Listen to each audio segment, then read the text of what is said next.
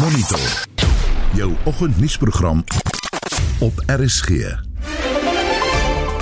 En vanoggend se program, die president hof toe gesleep oor die vertraging van die aanstel van die SAIK raad. We're hearing that it's a, a misalignment with um, certain legal issues. Well, what is this misalignment and what are those legal issues? This shouldn't be something that's taking place in the dark. Die FSA waarsku sy burgers hier in Suid-Afrika en soos jy nou net in die nuus gehoor het, druk op Andre de Ruyter om sy beweringe van korrupsie by die kragrees met bewyse te staaf. Welkom by Monitor, die span vanoggend is redakteur Wessel Pretorius, ons produksieregisseur is JD Labeskagdi en ek is Udo Karelse. Goeiemôre Suid-Afrika.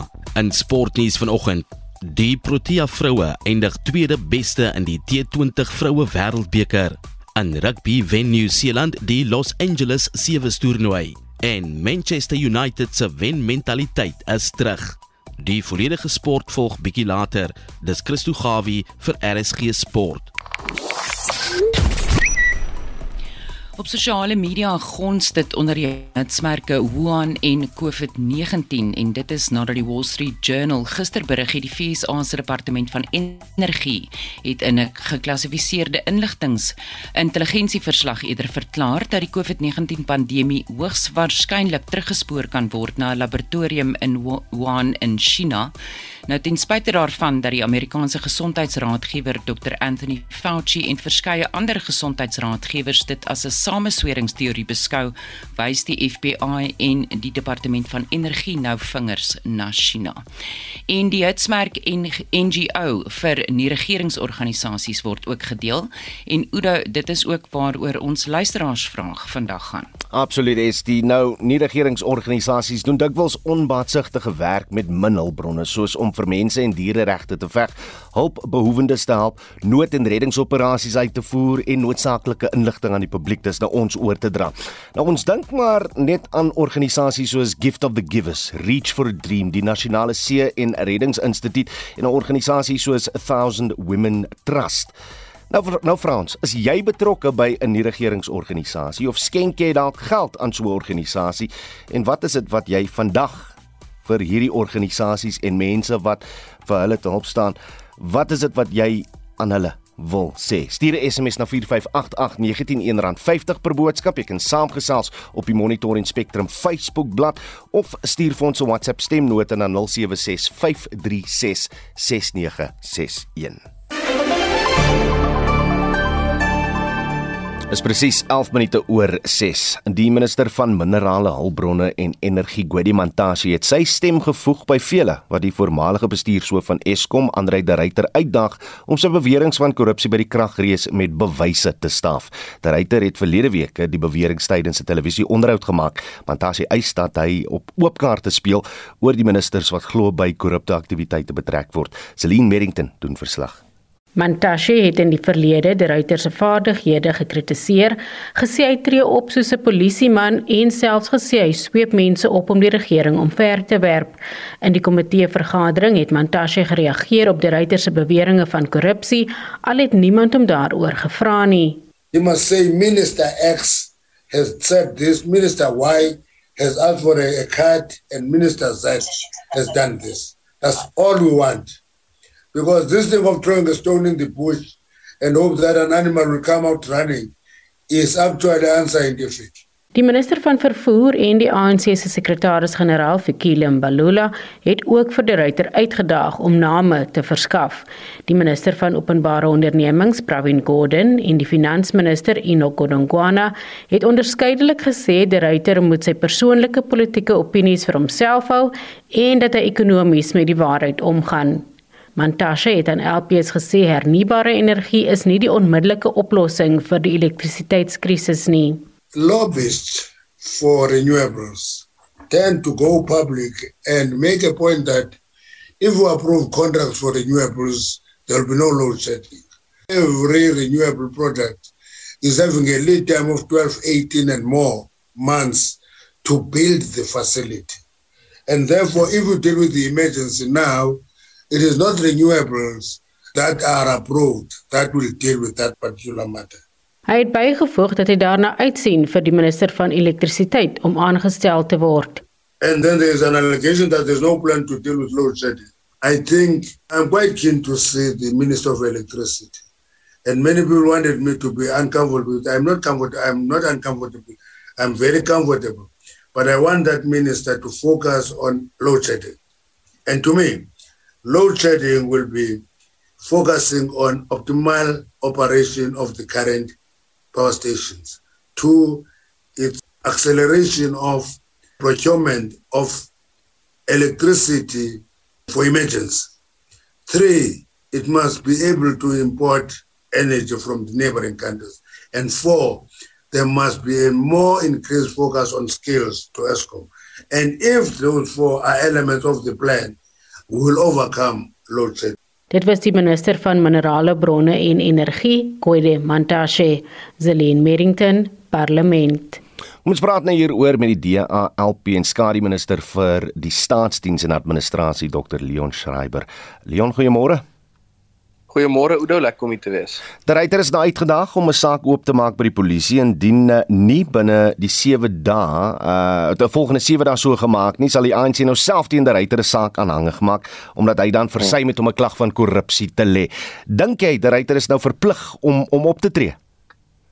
Ek dink die eerste ding wat 'n mens net moet noem is dat die ANC duidelik probeer om nou hier 'n persoonlike geveg met Andre de Ruyter aan die gang te kry. Maar wat 'n mens nie uit die oog moet verloor nie is dat hierdie op die ou einde van die dag gaan oor die ineenstorting van Suid-Afrika se elektrisiteitsstelsel en die aantuigings ehm um, wat daarop dui dat senior ANC politici moontlik betrokke is by die sabotasie van Eskom. Dis waaroor die storie eintlik gaan. Ek dink die ANC probeer hard om die storie oor Andre de Ruyter te maak. Hmm. Wat betref die die spesifieke aantuigings in die ANC wat nou sê dat daar klagtes gelê moet word, ehm um, het ons reeds uh, gelees oor die naweek dat de Ruyter al verlede jaar uh hierdie beweringe aan baie senior polisielede gerapporteer het en ek sien ook nou vanoggend is daar 'n nuwe stuk in die Daily Maverick ehm um, waar dit blyk dat die joernaliste die intelligensieverslae waarna die ryte verwys self onder oë gehad het.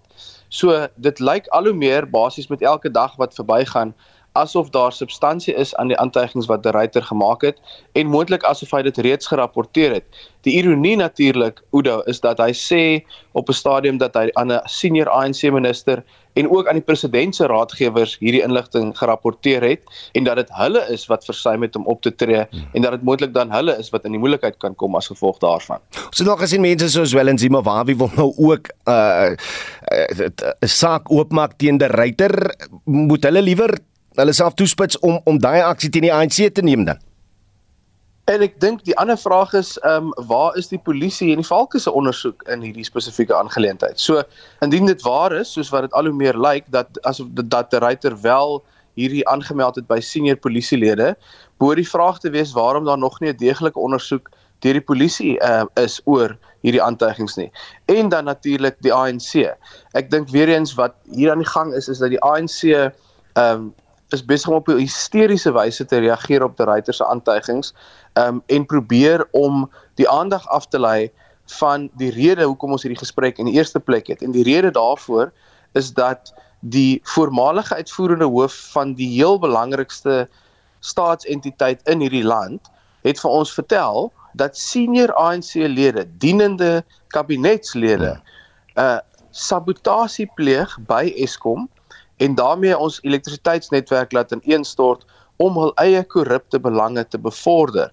Dit is uh, uh wanneer die ANC en mense soos Gwede Mantashe praat oor hoogverraad, soos wat hulle op 'n stadium uh oor die ryter gesê het, dink ek hierdie beweringe beteken dat hulle in die spieël behoort te kyk, hmm. want wat daar beskryf word is werklike hoogverraad. Kom kom ek stel dit ook so, ons ontleeders verlede week en, en ons het basies amper elke dag op op ons programme gesels met ontleeders wat wat baie goed is in hulle taak en en hulle het almal gesê daar is niks wat 'n ryter aan hy onderhoud aangevoer het wat nie reeds by die Sonderkommissie gesê is nie. Stem julle saam?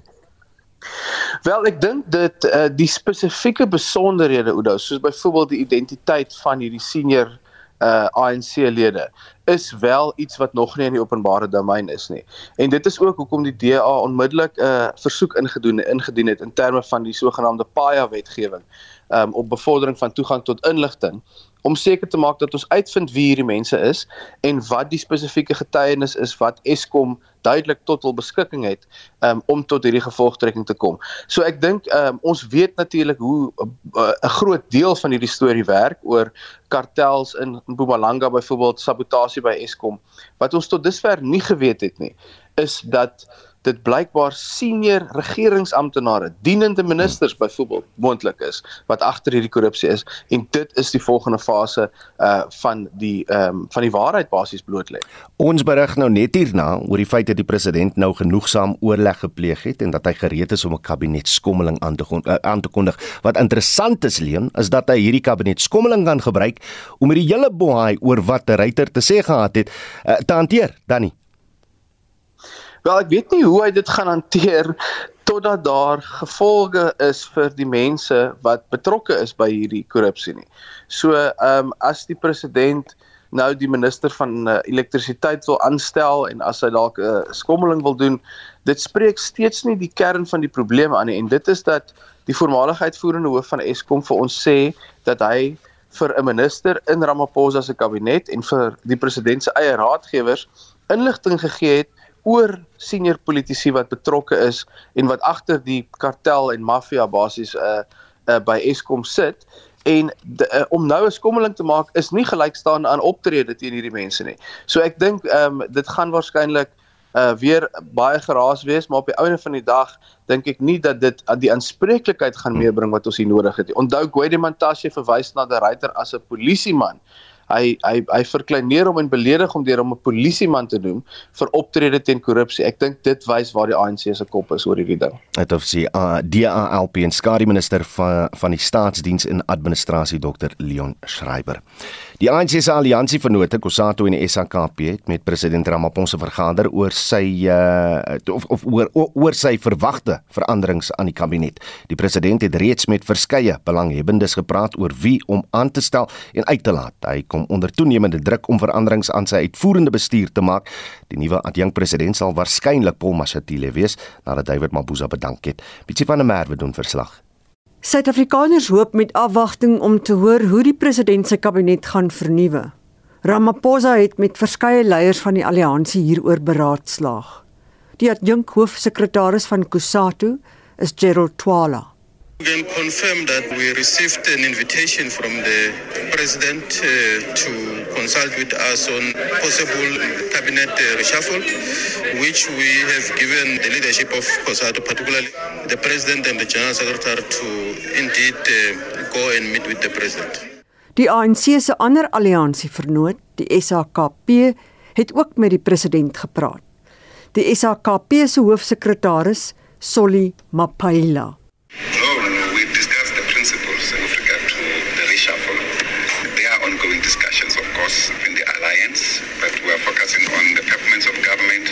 Principles underlying that, and it, uh, later on the president will then take into consideration our ideas regarding where we think we need to make interventions. Die president het in sy staatsrede die posisie van 'n minister van elektrisiteit aangekondig om die voortsleepende energiekrisis in die land te probeer oplos. Maar die alliansie het die skep van die pos verwerp en dit as onnodig bestempel. Die adjunk hoofsekretaris van Kusato is Gerald Twala. There is a resolution already from the 55th National Congress of uh, the ANC that the issues of uh, electricity and energy must be located within the DMER. So that's our view. We don't see any need for that uh, specific uh, ministry of electricity when already there is a ministry that is existing. Gewone Suid-Afrikaners het ook hulle menings gelig expecting that if he doesn't do something in the next month, naming a cabinet, getting the right people in, getting that diesel gain, otherwise the country's finished. So please, Cyril, do something. To be honest, I think we should really get younger people in office because we can't have people from apartheid leading the newer generation. They don't really know what it's like to live in these times. So Okay, I expect everyone to be fired. They've been in there for a long time and they haven't really made anything to improve. Defective ministers, because I don't believe the ministers that are there, they are the right people to be there. And then we can go forward. Professor Ibu Mandaze van die Buitelandse Beleidsnavorsing Instituut in Zimbabwe sê dis in belang van die kontinent dat president Ramaphosa bekwame mense vir sy kabinet kies. Hope that President Ramaphosa will soon announce his cabinet to instill confidence not only at home in South Africa but also in the region. As South Africa is a key factor in our region and on the continent. Bosi Shimombe het hierdie verslag saamgestel. Mitsi van der Merwe, SAK-nuus.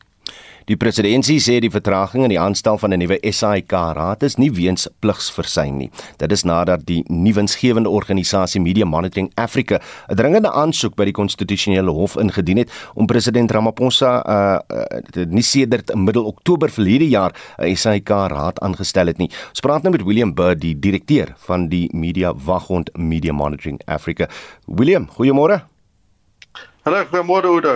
Die die presidentsie sê dis nie pligs vir of plig versuim nie. Wat wat anders kan dit wees? Watter redes het hulle gegee? Well, you know, it's not really clear what their reasons are. It seems to me emerging now that they seem to be saying it's something to do with these three additional uh, board members that were recognized were, were recommended as kind of stand-ins or additional members, if you like. And and I mean, to us, it just seems like a bit of a flimsy excuse, to be perfectly honest, to not have appointed the the 12 members of the board.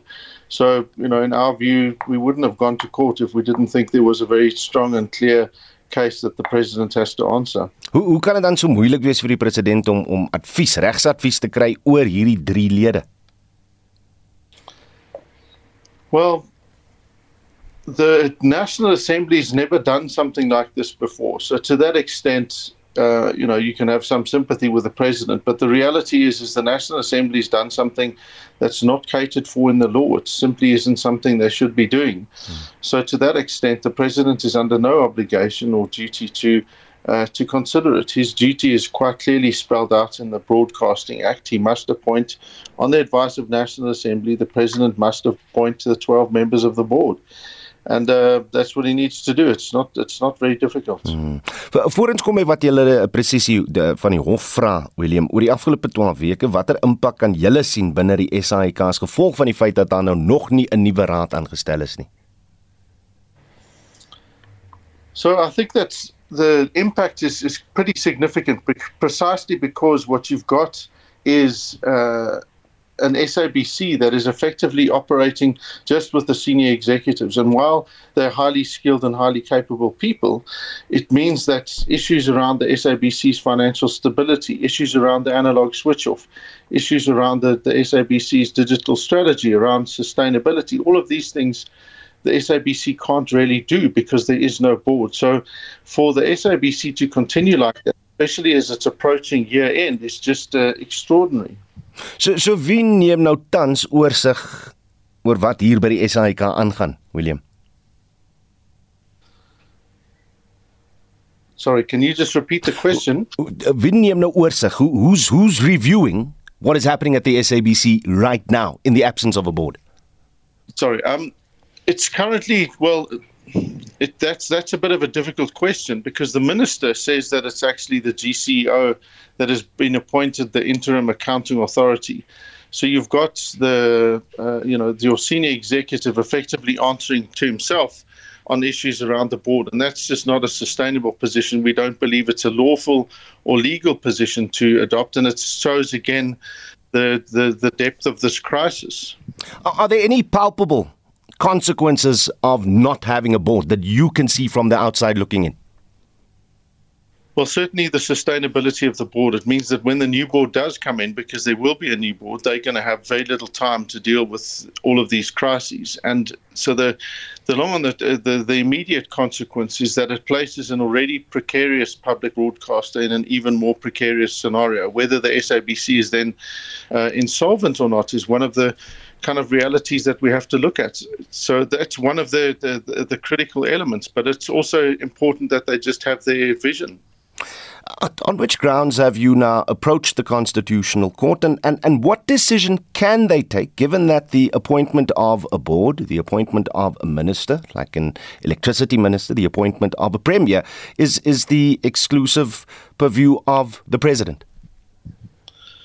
It is the exclusive purview of the president. I mean, on that, there's no doubt. You know, it's, it's, it's for us, it's it's very clear that what we want the court to do is to say when the when the act says the president must, on the advice of National Assembly, appoint the board, it means he doesn't have space to think about it in terms of uh, you know choosing some and not others. It means he has to simply appoint all 12 members of the board. It's the same way it operates with the Judicial Services Commission, and this is the same sort of thing. You need that critical level of independence, otherwise the there may be very real and legitimate fears of interference by the executive. Hmm. So so wat is dan nou die proses wat uitspeel in die hof? So what we have to hope is that we've applied for direct access. So that means that we've applied to go directly to the Constitutional Court. So we have to wait and see if they're going to hear this case. We believe that they should because there's a number of elements that are clearly constitutional. Uh, so once we've heard from the Constitutional Court, they'll then set down a time frame. But we have approached them on an urgent basis. So at the moment, we're going to wait to hear from the SA from the various um, legal teams that have been approached and cited in the case. Obviously, uh, the president being the key one in that instance. As hy William Bird is die direkteur van die nuwensgewende organisasie Media Monitoring Africa en ek sê vir hom baie dankie vir sy tyd hier op Monitor. Monitor, jou oggendnuusprogram op RSG. Byna 07:30 in die nuus. Die ANC gee Andre de Ruyter 7 dae om 'n klag om oor korrupsie te lê. Die metropolisie vergesel tegnisie van City Power weens bende geweld in Johannesburg en die Proteas vroue val vas in die T20 Wêreldbeker eindstryd. Bly ingeskakel.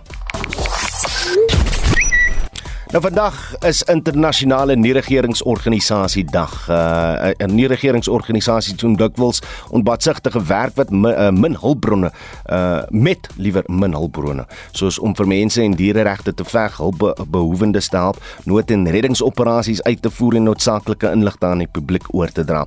Ons dink maar net aan organisasies soos Gift of the Givers, Reach for a Dream, die Nasionale See en Reddingsinstituut en uh, 1000 Women Trust. Nou Frans vanoggend, as jy betrokke by 'n nie-regeringsorganisasie of skenk jy dalk geld aan so 'n organisasie? Wat is dit wat jy vandag vir 'n organisasie soos hierdie uh, sal wil sê? Op ons Facebook bladsy Bets Ferreira, ek skenk graag bydraes aan uh, die helpende hand van Gift of the Givers. Hulle fondse word nou keurig aangewend. Daar is voldoende toesig daaroor en Almarie Kronje skryf ook ek het die grootste liefde en respek vir Gift of the Givers. Aan wie gee jy Waar werk jy? Watter organisasie verteenwoordig jy? Laat weet, stuur vir ons 'n SMS na 4588919 R50 per boodskap. Jy kan saamgesels op ons Monitor en Spectrum Facebookblad of stuur vir ons 'n WhatsApp stemnota na 0765366961. Christo Hawie sit gereed met die jongste sportnuus. Môre Christo. Goeiemôre Oudo, goeiemôre luisteraars. So amper amper was dit 'n sege vir ons uh vroue Protea span, maar nietemin, hulle het wel geskiedenis gemaak gister met daai finaal. Ja, absoluut. Hulle het daarom ten minste tweede beste het hulle geëindig, maar die Australiese vroue het die Protea vroue aan die T20 Wêreldbeker eindstryd op Nieuweland in Kaapstad met 19 lopies getref nou Australië het die lood gewen. Hulle het besluit om eers te kolf die Australiese staatmaker Beth Mooney het 'n belangrike 50-tal gemoker om haar span te help om die Proteas uit te oorlê. Die Australiërs het 156 vir 6 en hulle 20 bilbeerte aangeteken. Suid-Afrika is daarna toe vir 137 vir 6 beperk en dit is die 6de keer dat die Australiese vroue die 20 uh, die T20 Wêreldbeker toernooi wen. Nou Suid-Afrika se aanvangskolwer Laura Wolfhard, die het 61 lopies aangeteken en in nog cricket vandag in Wellington in Nieu-Seeland is dag 4 van die tweede toets tussen Engeland en Nieu-Seeland. Reeds aan die gang Nieu-Seeland is voor met so 255 lopies. Hulle was so kort uh, rukkie gelede was hulle op 482 vir 9 gewees. Uh die jongste telling wat ek gekyk het. Reg, kom ons praat 'n bietjie rugby. Ons begin in Amerika. Ja, die Blitsbokke, hulle het goed weggespring in die Los Angeles Sevens toernooi in Amerika toe hulle Kanada met 12-0 geklop het in hulle tweede wedstryd gisteroggend vroeg. uh, teen Uruguay het die Blitsbokke egter vasgeval met 10-5 en die Blitse se derde kragmeting was Ierland te fisiek en te sterk geweest en het die Suid-Afrikaners met 14-5 vasgeval. Die Blitsbokke is egter weer na die kwartfinale waar hulle teen Fiji te staan gekom het. Um, gisteraand so voor 9 Suid-Afrikaanse tyd en vergeefs met 28-7 verloor het. Die Suid-Afrikaners het gisteraand net voor 12 teen Samoa te staan gekom om vyfde plek, maar hier het hulle ook vasgeval en met 45-5 verloor. Die was eintlik sewe toernooi as deur Nieu-Seeland gewen wat Argentinië in die eindstryd met 22-12 geklop het. Die volgende sewe been kom volgende naweek in Vancouver kom dit aan die beurt van 3 tot 5 Maart. En nog rugby die Lions, hulle het onstuimige week het hulle oorkom om Saterdag 'n broodnodige oorwinning van 35-24 oor die Glasgow Warriors aan hulle 4K wedstryd in Johannesburg te behaal. Dit na bonuspunt vir, uh, vir 4-3 wat baie waardevol is na mate die seisoen na die uitspelrondes op pad is in die Sharks. Hulle het ongelukkig in Ulster vasgeval met 31-24. Gereg, die res liewer van die sokkerspan in Engeland moet maar in die drie speel kyk van Man United, hulle kom. Kyk, hulle mentaliteit soos ek vroeër genoem het, is terug. Man United het gister hulle grootste trofee in 6 jaar gewen met 'n meedoenlose oorwinning van 2-0 teen Newcastle in die Liga beker eindstryd op Wembley.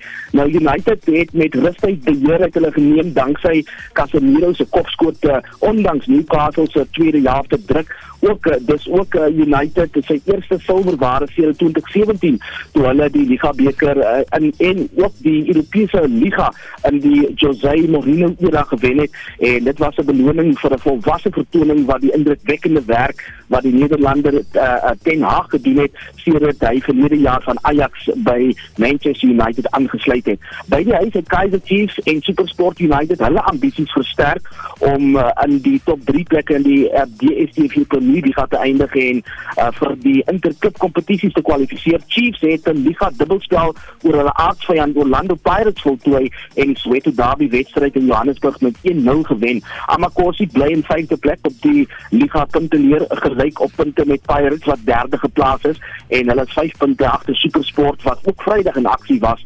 Stellenbosch het 3 uh, agtereenvolgende oorwinnings in die liga behaal toe hulle Richards Bay Saterdag met 2-1 geklop het in Durban. En Polokwane het Cape Town City vir Sekhukhune United met 1-0 getroof. Christo Gavilaar van RSG Sport.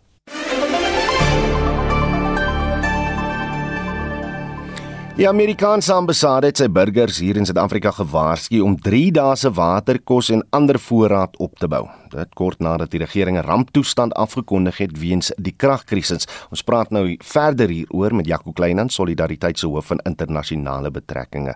Jaco, goeiemôre. Goeiemôre Ouda. Wat presies behels hierdie waarskuwing aan uh, Amerikaanse burgers in Suid-Afrika?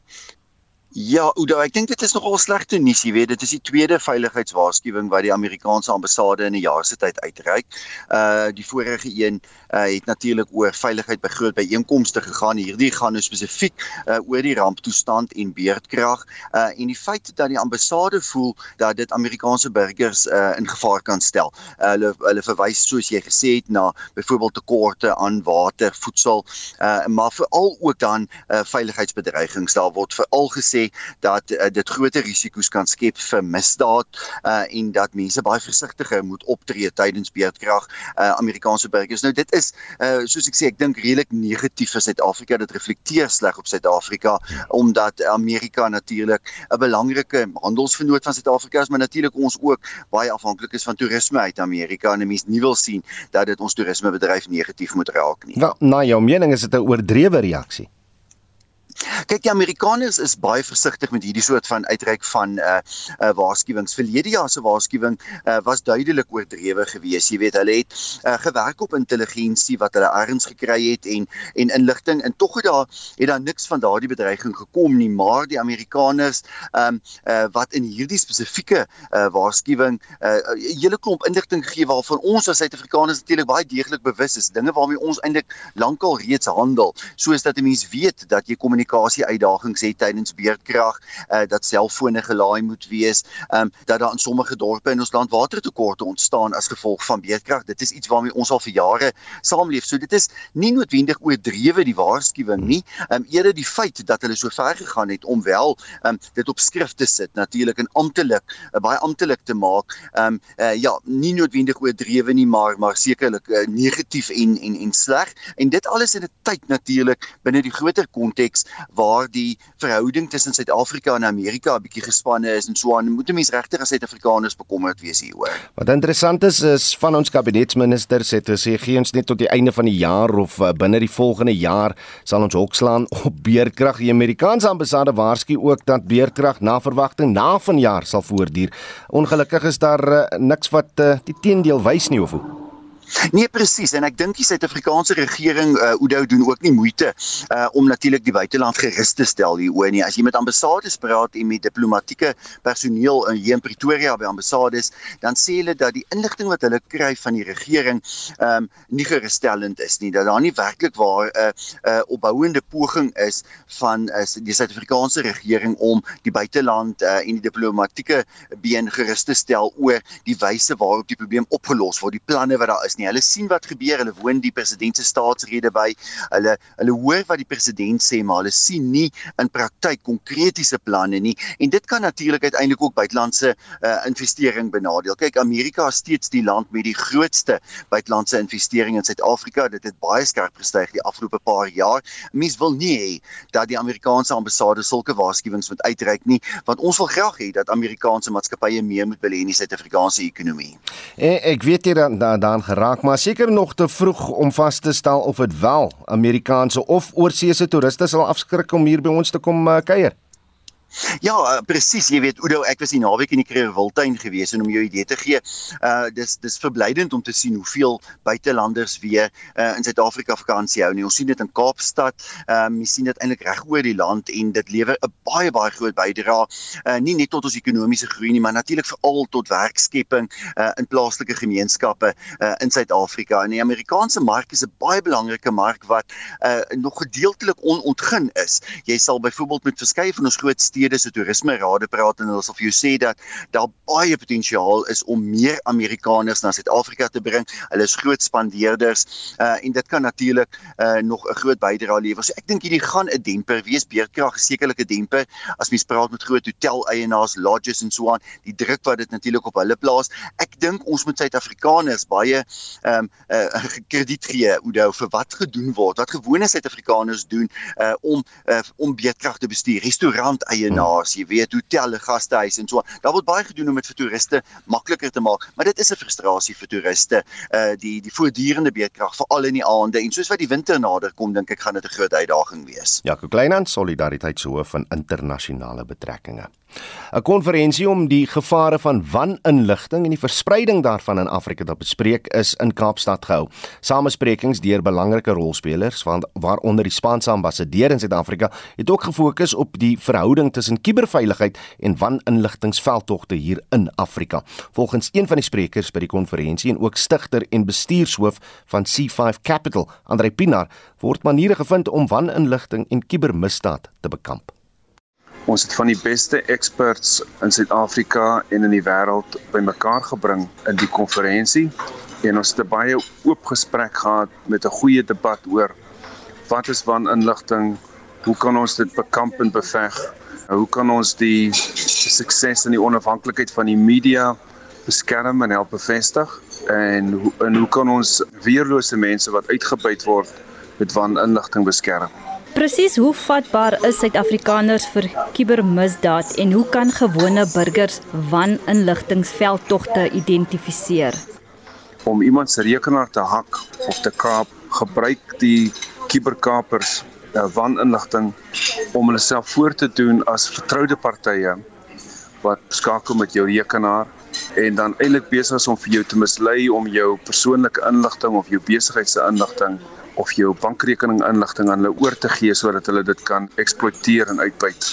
Ongelukkig omdat Suid-Afrikaners groot geword word om ander mense te vertrou, jy weet, is ons dikwels nie krities en skepties genoeg oor die e-pos korrespondensie wat ons ontvang nie en die goed wat ons op ons rekenaar sien nie. Watter Afrika lande is veral die slagoffers van kubermisdaad en waninligtingsveldtogte? Die mees weerlose mense in ons samelewing, dikwels die grootste slagoffers van kubermisdaad word. Jy weet dit is um, dikwels bejaarde mense word uitgebuit met met kubermisdaad, maar ook mense wat nie toegang gehad het tot 'n goeie opvoeding nie. Dikwels mense wat nie kan lees nie, maar ook klein sake mense wat nie al die vermoë het om vir hulle personeel opleiding te gee en al die nodige stelsels te bou om kuberveiligheid toe te pas. Blykbaar is jy ook betrokke by die beplanning van AfriForum se beplande energiemaatskappy. Wat presies is jou betrokkeheid? As 'n toegewyde Suid-Afrikaner is ek natuurlik baie bekommerd oor die energiekrisis in die land.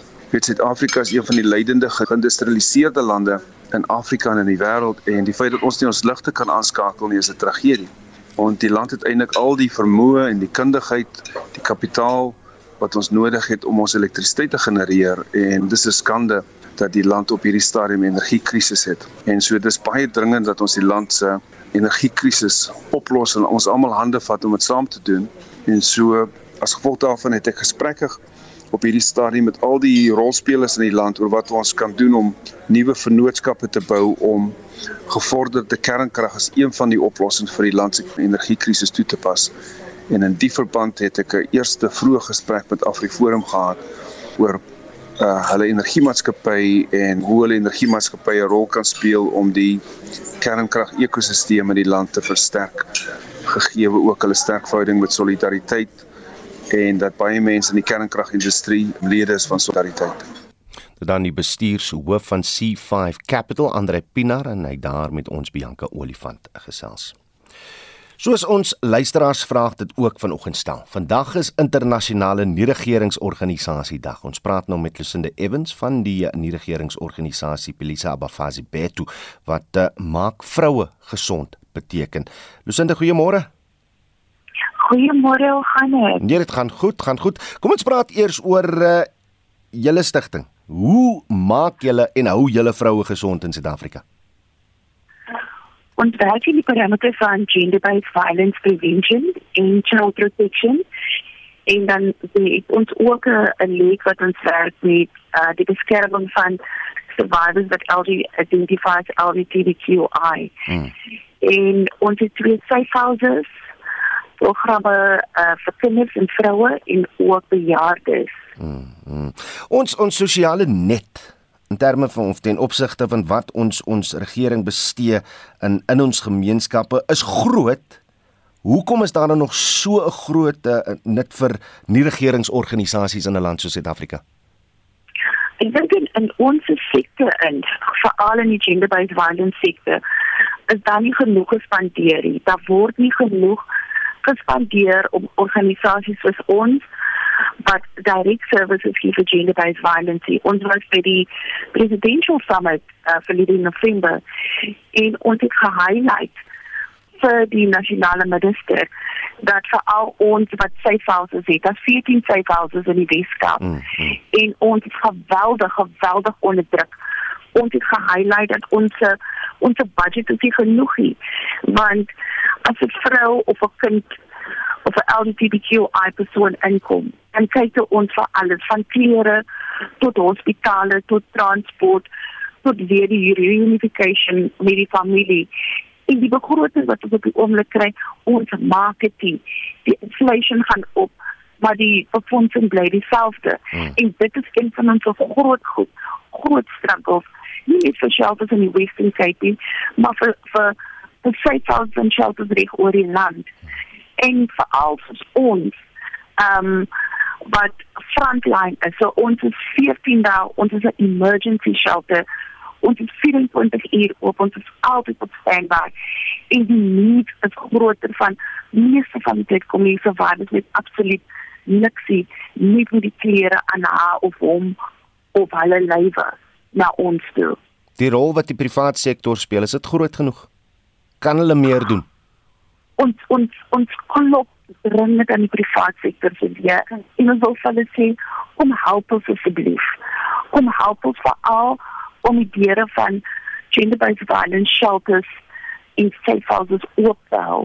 Um en en veral vir ons hier in die Weskaap ons wil vir die private sector sê ons het gehoor by die presidential summit wat daar gesê gewees het dat hulle wil invest in ons. En ek wil vanoggend please ek wil please ek wil die versoek uit dat invest in shelters soos my shelter en ander NGO's wat ook vroue shelters ran. Hmm.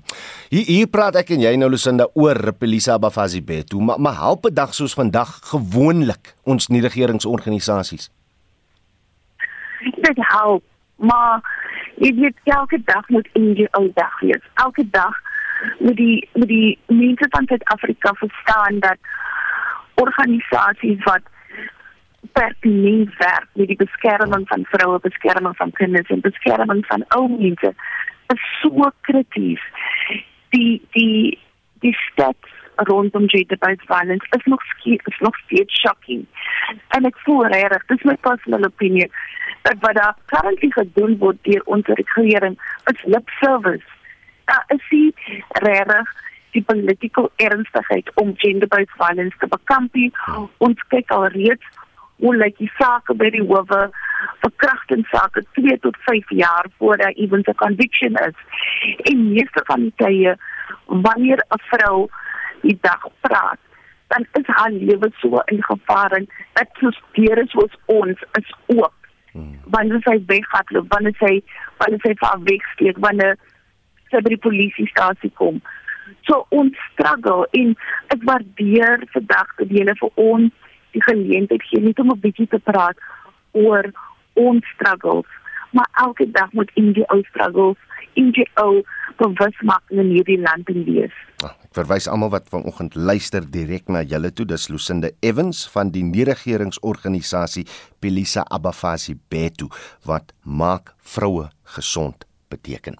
Ons bly by die onderwerp. Een so 'n nie-regeringsorganisasie is uh, Brotherhood wat skoolbehoeftes, uh, benodighede liewer insamel en aan minder bevoorregte kinders in die Nelson Mandela Bay Metro in die Oos-Kaap verskaf.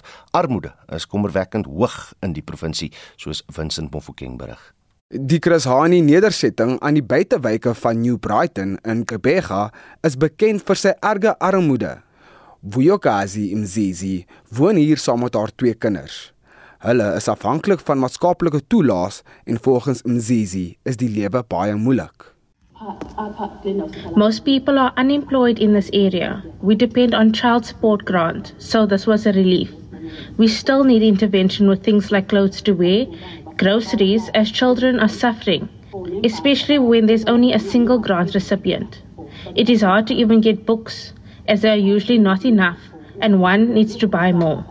Maar daar is hulp teen die stryd van armoede in die vorm van die Brotherhood organisasie wat werksaam is in die gemeenskap.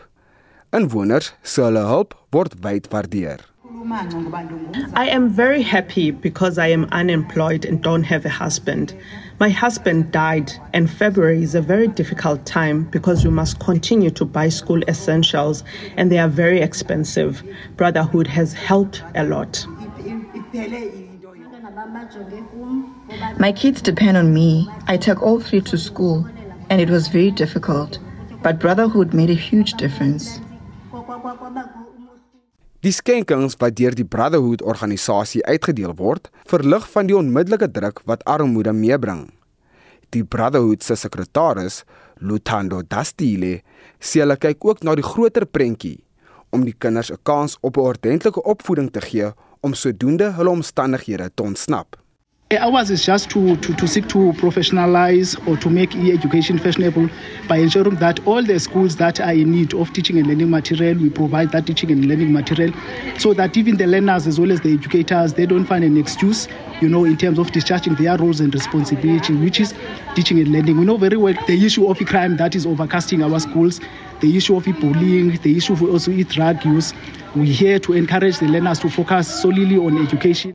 Die Oos-Kaap is een van die armste provinsies in die land. Meer as 70% van die bevolking leef onder die broodlyn. Die verslag deur Andangonji in Gebega in die Oos-Kaap. Ek is Vincent Mufokeng vir SAI Garnis. Die Weskaapse premier Allan Windey sê die enigste manier om korrupsie aan te spreek is om deursigtigheid te verseker en vinnige optrede met ernstige gevolge vir oortredings te implementeer. Windey het met die SAIK gepraat na verlede week se begrotingsreën gesê 'n paar stappe in die regte rigting is aangekondig, maar sonder beslissende optrede om die energiekrisis aan te spreek en die vlaag van korrupsie te staai, is daar groot kommer. Tanya Krause berig. Windy sê in 'n groot stelsel soos die regering moet daar deurlopend bewustheid wees dat korrupsie 'n moontlikheid is. Sedert die COVID-19 pandemie het die Wes-Kaap streng maatreëls in plek gesit om deursigtigheid te verseker. Hy sê hierdie proses van oorsig en verslaggewing duur voort. Hy sê die grootste uitgawes vir die Wes-Kaap is gesondheid en onderwys, maar dit moet ook die energiekrisis die hoof bied wat buite die provinsie se mandaat val. Windy sê daar word ook nie genoeg geld begroot vir provinsies soos die Wes-Kaap en Gauteng met 'n skerp stygende bevolking nie. Jy weet ons het nie spesifiek ekstra geld gekry as provinsies vir energie. Ehm um, dit is geld wat ons uit ons eie begroting moet uitsny. So terwyl ons hospitale en skole moet dek, jy weet ons bou meer skole as ooit tevore. Ons het meer onderwysers in plek as ooit tevore. Ons bou nou klinieke en hospitale om die bevolking se groei te dek maar dieselfde tyd moet ons ook geld wegvat van ons huidige mandaat as 'n provinsie en daai geld insit in veiligheid en nou weer daai geld insit in energie. Hoewel daar steeds geen regulasies uiteengesit is vir die rampverklaring van die energiekrisis nie, gaan die provinsie voort met sy eie beplanning om die ontsaglike uitdaging van beerdkrag die hoof te bied. Wendy sê Andre de Ruyter het reeds in vergaderings met premiers en die president aanmerkings oor korrupsie gemaak. Nou sien jy dieselfde stelsel waar die waar die huidige Andre de Ruyter sê hy kan nie vorentoe gaan maar want daar's soveel korrupsie en en daai word nie vasgevat nie. Die steenkool ry oor ons grense en nie by ons energiesisteme in nie. Die pryse wat hulle betaal word jy weet dit's astronomies en daar is nie 'n wil om te sê ek soek polisie manne en helikopters en mense daarin om Eskom nou reg te ruk. Dieselfde tyd bestuur word net uitgegooi. Kaapenaars het sterk menings oor die begroting. It was quite good, but I don't get the concept of uh, ESCOM getting the billion rands that it was initiated to them because currently looking at the status, the president said it will be approximately 24 months for us to be out of this junk that we're in due to load shedding. So what's the allocation of the budget to? I think that money should have been taken and be invested somewhere else whereby we can initiate for the future of this country. Kyk, as is goed dat Eskom nou wel meer geld gaan kry, maar my probleem is wat gaan hulle maak met die geld? Gaan hulle dit gebruik sodat ons mens beter kan net waar ligte konserne en so voort. Ander rede is gaan dit nie miskien in hulle sakke weer nie. Die provinsie se begroting sal na verwagting teen die middel van Maart aangekondig word. Die verslag is deur Mariska Botha in Kaapstad saamgestel. Ek is Tanya Krause in George. En op sosiale media is die naam van Andrei de Ruyter, Eskom se voormalige uitvoerende hoof, steeds op almal se lippe. En dit is na aanleiding van beweringe wat hy verlede week tydens 'n televisieonderhoud gemaak het en die ANC wat hom nou 7 dae gee om 'n strafregtelike klag oor korrupsie by Eskom by die polisie in te dien of hy sal deur die regerende party gedagvaar word. Reg vandag is internasionale nie-regeringsorganisasie dag en ons vra net is jy betrokke by 'n nie-regeringsorganisasie of skenk jy dalk geld aan so 'n organisasie? Op die SMS lyn sê Anna van Polokwane ons Facebookblad het 'n uh, blad het elke week 'n hande vat waar ons 'n uh, NRO in ons dorp adverteer. Dis interessant. Ons projek is juis weer waar ons uh, goed vra vir die bou van 'n kamer by 'n shelter. Nou Anna, watte Facebookblad is dit? Laat weet. Ek kon ons dan die res van die luisteraars verkondig. Indien jy uithelp en dien jy ondersteun, laat weet tog uh, stuur 'n SMS na 4588919 R1.50 per boodskap. Jy kan saampraat op ons Monitor en Spectrum Facebook bladsy of uh, stuur vir ons 'n WhatsApp stemnota na 076 536 6961. Ons groet dan namens ons uitvoerende regisseur Nicoline de Wee, ons redakteur vanoggend is Wessel Pretorius, ons produksieregisseur is JD Labuskaghni en ek is Udo Karel. Se geniet die dag in die geselskap van RSG Openbakker is volgende. Totsiens.